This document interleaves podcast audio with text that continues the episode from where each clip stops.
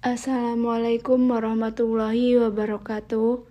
Hai, saya Meira. Di sini saya akan melanjutkan membacakan buku I Want to Die But I Want to Eat Topoki bagian kedua.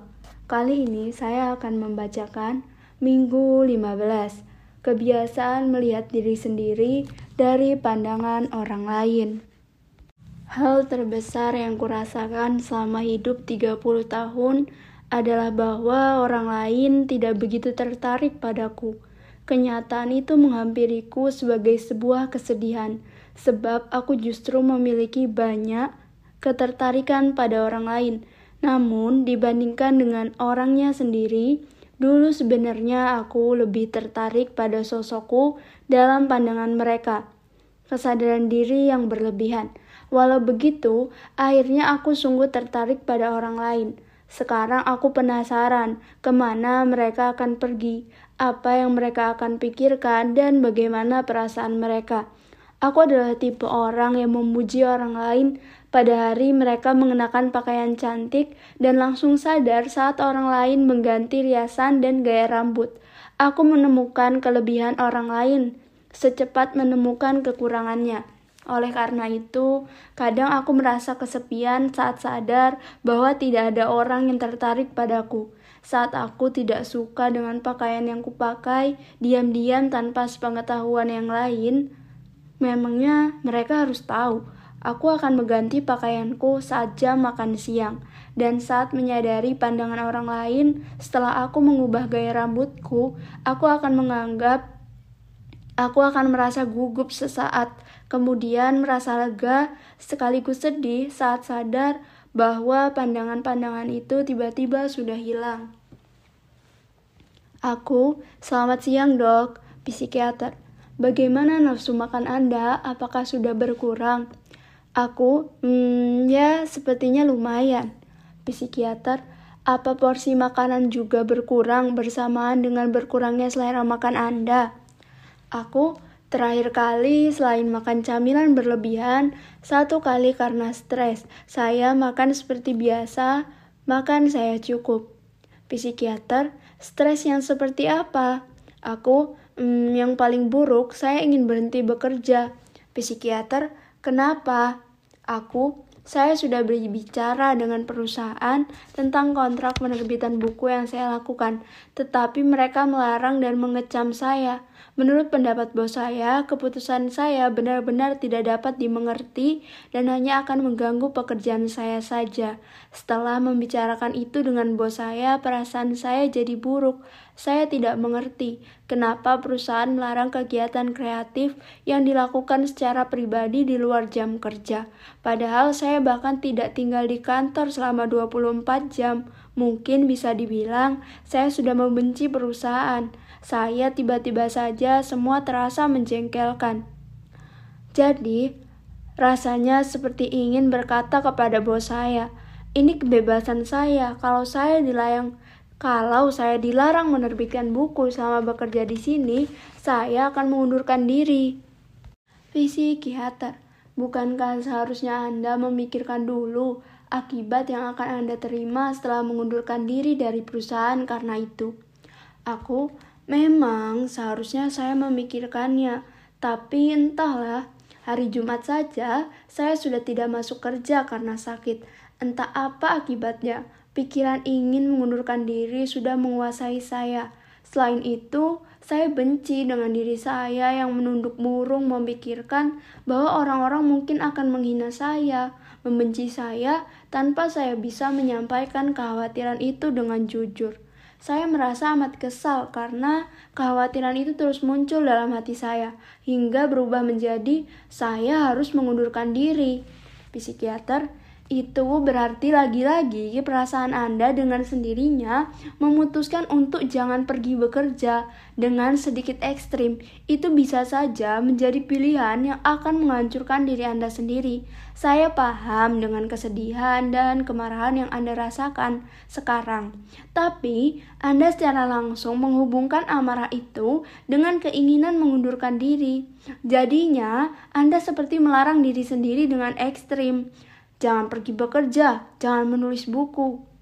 Aku, sebenarnya ini juga masih terlalu dini bagi saya karena saya baru empat bulan pindah divisi, jadi mungkin bisa dibilang saya tidak punya ambisi untuk bekerja. Tidak semua rencana dan ide saya diterima, dan saya hanya perlu mengerjakan buku yang diserahkan kepada saya. Semua orang terlihat sibuk, dan hanya saya saja yang tidak. Saya tidak tahu harus melakukan apa. Kebosanan, tidak ada ambisi, kelesuan, perasaan semacam itu lagi-lagi menghampiri saya psikiater, saat kekecewaan Anda besar seperti sekarang, tentu saja Anda hanya bisa melihat segalanya secara negatif. Saat ini, Anda lebih memilih untuk melihat sisi buruk dibandingkan dengan sisi baik. Semakin Anda pikirkan, pikiran Anda akan jadi semakin negatif. Agar bisa berpandangan lebih positif, bukalah lebih baik, bukankah lebih baik mengesampingkan situasi yang kita alami barang sejenak dan mencoba memahami situasi yang dialami oleh orang lain. Aku, bagaimana caranya memahami situasi orang lain? Psikiater, bagaimana ya? Situasinya kan terjadi di lingkungan perusahaan. Jadi, tidak adakah yang bisa Anda lakukan? Yang jelas, kalau Anda memutuskan untuk mengundurkan diri tanpa mencoba memahami berbagai situasi yang terjadi di perusahaan, keputusan Anda bisa menjadi sebuah pengorbanan diri. Aku, pengorbanan. Saya tidak menganggap pengunduran diri saya sebagai sebuah pengorbanan kok. Psikiater, bukankah awalnya Anda bermaksud untuk terus bekerja di perusahaan itu? Jadi, bisa saja pemikiran pekerjaan ini membosankan dan tidak dapat kukerjakan dengan baik. Jadi, aku harus berhenti. Muncul hanya untuk membenarkan pilihan Anda untuk mengundurkan diri. Aku, apa saya terlalu mementingkan perasaan saya? Psikiater, kelihatan sedikit mementingkan perasaan. Aku, ngomong-ngomong, ini terjadi minggu lalu dan perasaan itu masih belum reda meski sudah tiga hari berlalu. Psikiater, karena itu amarah. Aku, lalu kenapa saya jadi sangat membenci perusahaan saya? Psikiater, dalam situasi yang serupa, siapa pun akan marah, akan tetapi setiap orang punya reaksi yang berbeda-beda terhadap situasi yang serupa, dan keputusan yang diambil pun berbeda, tergantung kepentingan masing-masing. Aku sebenarnya apa itu kecaman? Saya tidak mengerti kenapa saya merasa sangat takut dikecam. Psikiater, sepertinya Anda terus mengecam diri sendiri seraya memikirkan makna kecaman. Anda berpikir bahwa diri Anda memang seperti yang dikatakan orang lain. Anda melihat diri sendiri dengan pandangan orang lain, seakan Anda telah menjadi mata mereka. Bahkan emosi Anda terasa tanpa henti, tanpa ada penyaring di antaranya, dan secara refleks Anda jadi terlalu memperhatikan pandangan orang lain. Kalau sudah begitu, meski Anda memiliki kelebihan ataupun sisi yang berharga, Anda akan membuang kelebihan itu dengan tegas karena pengaruh orang lain. Pada saat Anda mulai merasa terlalu memperhatikan pandangan orang lain, sebenarnya Anda boleh menjadi sedikit lebih egois, mengikuti kata hati, dan memilih arah yang penting bagi Anda. Aku, padahal tidak ada yang mengecam maupun mengatakan hal buruk apa pun kepada saya, tetapi pemikiran seperti sepertinya seseorang akan mengkritiku di kantor Sepertinya mereka akan membenciku, tetap bermunculan. Saya merasa gelisah dan lelah sendiri. Psikiater, jika kecaman keras itu berasal dari orang-orang yang tidak memiliki hubungan apa pun dengan kita, kita bisa mengabaikannya karena kita tidak mendengar kecaman itu secara langsung. Saat mendengarnya secara langsung pun, semua kecaman yang mereka lontarkan, entah untuk menjelek-jelekan kita atau tidak, pada akhirnya tetap menjadi tidak berarti bagi kita. Walau kita sudah pasti akan merasa kesal awalnya. Sebaliknya, jika orang yang membenci kita adalah orang yang saat kita sukai, kita pasti akan sangat terluka. Kedua hal itu perlu dibedakan. Sepertinya Anda harus lebih jujur dengan perasaan sendiri. dan lebih fokus memandang diri sendiri alih-alih memikirkan pandangan orang lain. Karena sepertinya Anda menganggap pandangan Anda sama dengan pandangan orang lain. Sosok kita bagi setiap orang bisa berbeda, menyesuaikan sosok kita dengan tipe yang disukai oleh setiap orang tanpa disadari, membuat kita menghabiskan energi yang seharusnya untuk orang yang benar-benar kita suka dan menyukai kita. Karena terlalu memikirkan semua orang dan orang yang kita sukai, mungkin akan merasa sedih karenanya. Lalu, lagi-lagi kita akan menyesal karena kita tidak bisa melakukan hal baik untuk orang yang kita sukai. Tidak akan jadi masalah besar meski kita memisahkan mana hubungan yang berarti dan mana yang tidak. Dengan sedikit lebih egois, karena semua orang juga memisahkan mana hubungan yang berarti bagi mereka. Selain itu, Anda bisa secara tegas mengurutkan pilihan Anda berdasarkan prioritas agar bisa mempertahankan sedikit keuntungan atau mengurangi kerugian dan memperoleh banyak keuntungan dari pilihan yang Anda ambil. Saat menentukan suatu pilihan, biasanya pilihan terakhir Anda pasti berasal dari beberapa pilihan lakukan atau tidak. Pilihan itu sama seperti ringkasan laporan mediasi atau negosiasi, ringkasan tanpa menjelaskan proses yang terjadi di dalamnya. Jadi, walau sebenarnya Anda bisa menyelesaikan cukup banyak pekerjaan, Anda menolaknya mentah-mentah. Anda berpikir, "Eh, pekerjaan ini memuakan dan tidak penting. Kau saja yang kerjakan semuanya." Penolakan itu kemudian menjadi kebiasaan, dan mungkin Anda akan menemukan diri Anda sudah tertinggal jauh di belakang setelah waktu berlalu. Kalau sudah begitu, Anda pun akan kehilangan kebebasan. Saya cukup memahami kemarahan dan kekecewaan Anda, akan tetapi saya harap Anda tidak terlalu merugikan diri sendiri karena amarah. Aku apa saya membuang terlalu banyak pilihan? Psikiater, ya, aku, Anda benar, perasaan saya seperti itu. Pekerjaan pekerjaan ini memuakan dan tidak penting. Jadi lebih baik berhenti saja. Psikiater, Mungkin Anda akan menyesal saat terlanjur meluapkan perasaan yang terlintas di hati menjadi tindakan. Walau akhirnya Anda sudah menulis surat pengunduran diri, menurut saya lebih baik Anda tetap pergi bekerja dan melarutkan diri dalam pekerjaan sambil mencari tahu apa yang akan Anda lakukan berikutnya. Aku, saya tidak ingin pergi bekerja, psikiater, kalau begitu Anda bisa memikirkan rencana yang harus dijalankan selanjutnya. Saya harap Anda percaya kepada kekuatan nalar.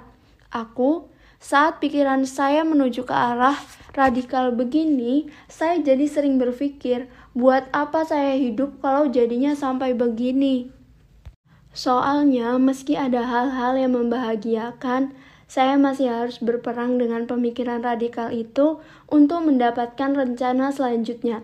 Dan sepertinya kekhawatiran-kekhawatiran itu masih lebih besar dibandingkan kebahagiaan. Saat perasaan saya diselimuti amarah, saya jadi ingin mati saja. Orang-orang di kantor sepertinya semua larut dalam pekerjaan, semua lembur. Hanya saya yang tidak, hanya saya yang pulang kerja seperti biasa dan sering mengambil cuti tahunan. Saya sering tidak masuk saat sakit, jadi saya berpikir tentu saja orang-orang tidak suka dengan saya. Saya tidak ingin bekerja terlalu giat di kantor. Psikiater, tanpa Anda sadari, Anda telah masuk ke dalam hati orang-orang itu, memikirkan apa yang akan mereka pikirkan, dan membicarakannya seakan-akan itu adalah pilihan Anda. Seakan-akan itu adalah pikiran Anda. Itu sebabnya Anda merasa bersalah dan rasa bersalah itu muncul sebagai sebuah kemarahan. Orang yang dengan sendirinya berpikir bahwa diri mereka cantik tidak akan terpengaruh saat seseorang mengkritik penampilannya. Di lain pihak, jika kita merasakan kekurangan pada bagian tertentu, tetapi seseorang malah menjadikan kekurangan itu sebagai candaan, tentu saja bagi kita itu bisa jadi sebuah itu bisa jadi bukan candaan, melainkan trauma. Aku Lalu apa yang seharusnya saya lakukan? Psikiater, mungkin secara sensitif Anda sudah menungkap, menangkap, dan membayangkan sendiri satu persatu pesan implisit yang disampaikan perusahaan kepada Anda. Anda membesar-besarkan kecemasan dan kekhawatiran akan bagaimana orang lain memandang diri Anda. Walau Anda ikut-ikutan orang lain lembur, belum tentu itu dianggap lembur. Jadi tidak perlu terpaksa lembur hanya karena antusiasme dan pandangan orang lain. Akan tetapi, sekarang sepertinya Anda lebih berpikir, "Ah, semua orang harus begitu." Tetapi aku lagi-lagi tidak ikut. Kalau bagi Anda pulang tepat waktu adalah hal yang penting, begitu keluar dari perusahaan, Anda harus melupakan kekhawatiran itu dan melakukan rutinitas yang berbeda. Aku Baik, saya mengerti. Akan tetapi, saya tidak mengerti kenapa mereka begitu semangat bekerja. Psikiater, mereka pasti punya alasan tersendiri.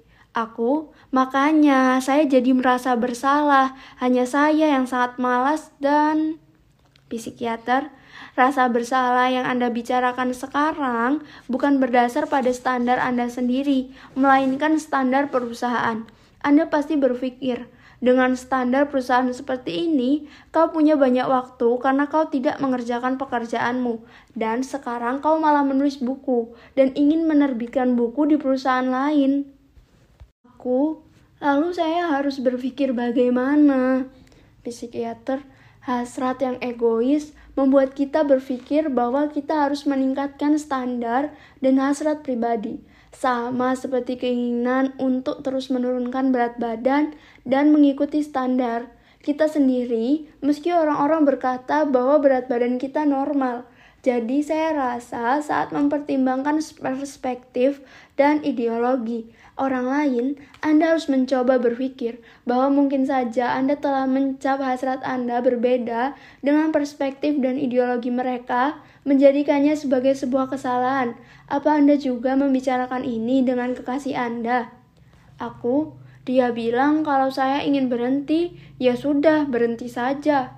Psikiater, apakah tidak ada penyesalan saat berkata ingin berhenti? Saat Anda sudah tidak lagi melakukan semua pekerjaan itu. Aku penyesalan. Maksudnya penyesalan karena tidak punya cukup pengalaman untuk bisa berganti pekerjaan dan uang. Psikiater, dua penyesalan itu tentunya akan semakin besar nantinya Kelihatannya orang lain sibuk dengan semuanya, larut dalam pekerjaan. Di satu sisi, kenyataan itu bisa menjadi hal yang negatif, dan di sisi lain bisa menjadi hal yang positif bagi Anda. Seperti yang Anda sampaikan, Anda baru bekerja 4 bulan di divisi lain. Jadi, tentu saja jumlah pekerjaan yang telah diakumulasikan oleh orang lain atau yang dipercayakan kepada mereka berbeda. Bukankah motivasi untuk bekerja adalah hal yang Anda impikan? Akan tetapi, saya merasa Anda justru tidak sempat memperoleh memperoleh cukup pengalaman dan sepertinya akan sangat tidak adil jika pengunduran diri Anda sampai disebabkan oleh faktor-faktor lain. Aku Sepertinya semua akan bisa terselesaikan setelah saya kembali dari liburan dan beristirahat. Psikiater Lalu, apa yang akan Anda lakukan sebelum liburan?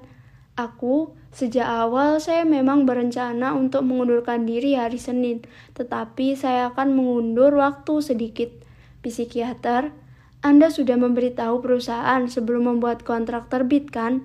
Kapan Anda akan membuat kontrak? Aku, Rabu minggu depan. Saya rasa waktu dua minggu cukup karena saya akan pergi liburan. Psikiater, Baiklah, saya harap Anda bisa mempertimbangkan berbagai macam kemungkinan. Saya rasa mungkin ada baiknya juga untuk mencoba menghitung keuntungan dari segala kemungkinan yang ada. Aku, baik dok, saya mengerti. Psikiater, jangan memikirkan hal ini saat Anda berlibur. Nikmati saja liburan Anda. Saya harap Anda bisa membuang beban dalam hati Anda sebelum kembali kemari. Aku, ya terima kasih, psikiater, selamat berlibur.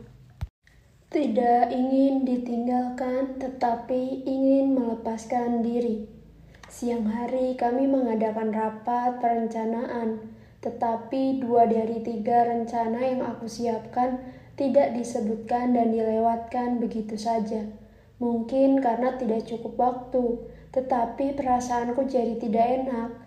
Rasanya seperti menjadi orang yang tidak berguna. Aku ini manusia yang benar-benar akan terjatuh hanya karena tersandung masalah sepele. Jadi, bagaimana bisa aku menjalani kehidupan di perusahaan? Aku pun membenci diriku, manusia yang lemah dan tidak tegas ini. Kalau aku bisa sedikit bermurah hati, memiliki resiliensi yang bagus, dan menerima keadaan dengan apa adanya, apakah rasanya akan lebih baik?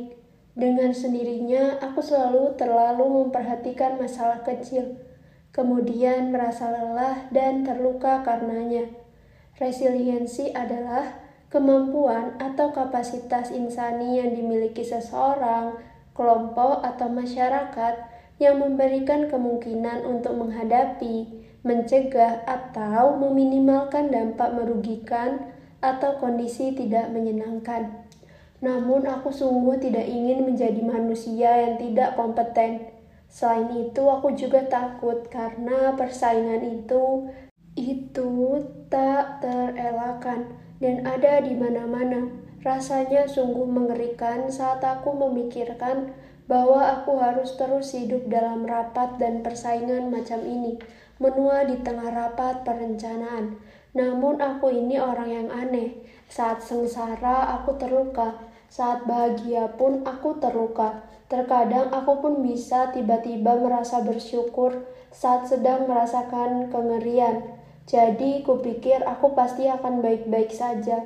Beberapa hari lalu aku merasa bersyukur karena bisa mandi dengan air hangat. Aku terus berada di antara kekosongan dan rasa syukur, amarah dan rasa syukur, hasrat ingin bergabung dan terlepas dari kerumunan. Aku harus menerima segalanya. Aku harus menerima segalanya. Aku harus menghibur diri, berkata kepada diri sendiri, bahwa hidup berdampingan memang tidak bisa dihindari. Baik, cukup sekian dari buku kali ini. Terima kasih untuk kalian semua yang telah mendengarkan. Semoga bisa menjadi suatu hal yang bermanfaat. Bagi kalian yang ingin mendengarkan audiobook-audiobook dari buku lain, kalian bisa mendengarkan melalui channel YouTube saya, yaitu audio inspirasi. Di sana terdapat beberapa buku yang sudah saya bacakan yang mungkin bisa kalian dengarkan. Terima kasih.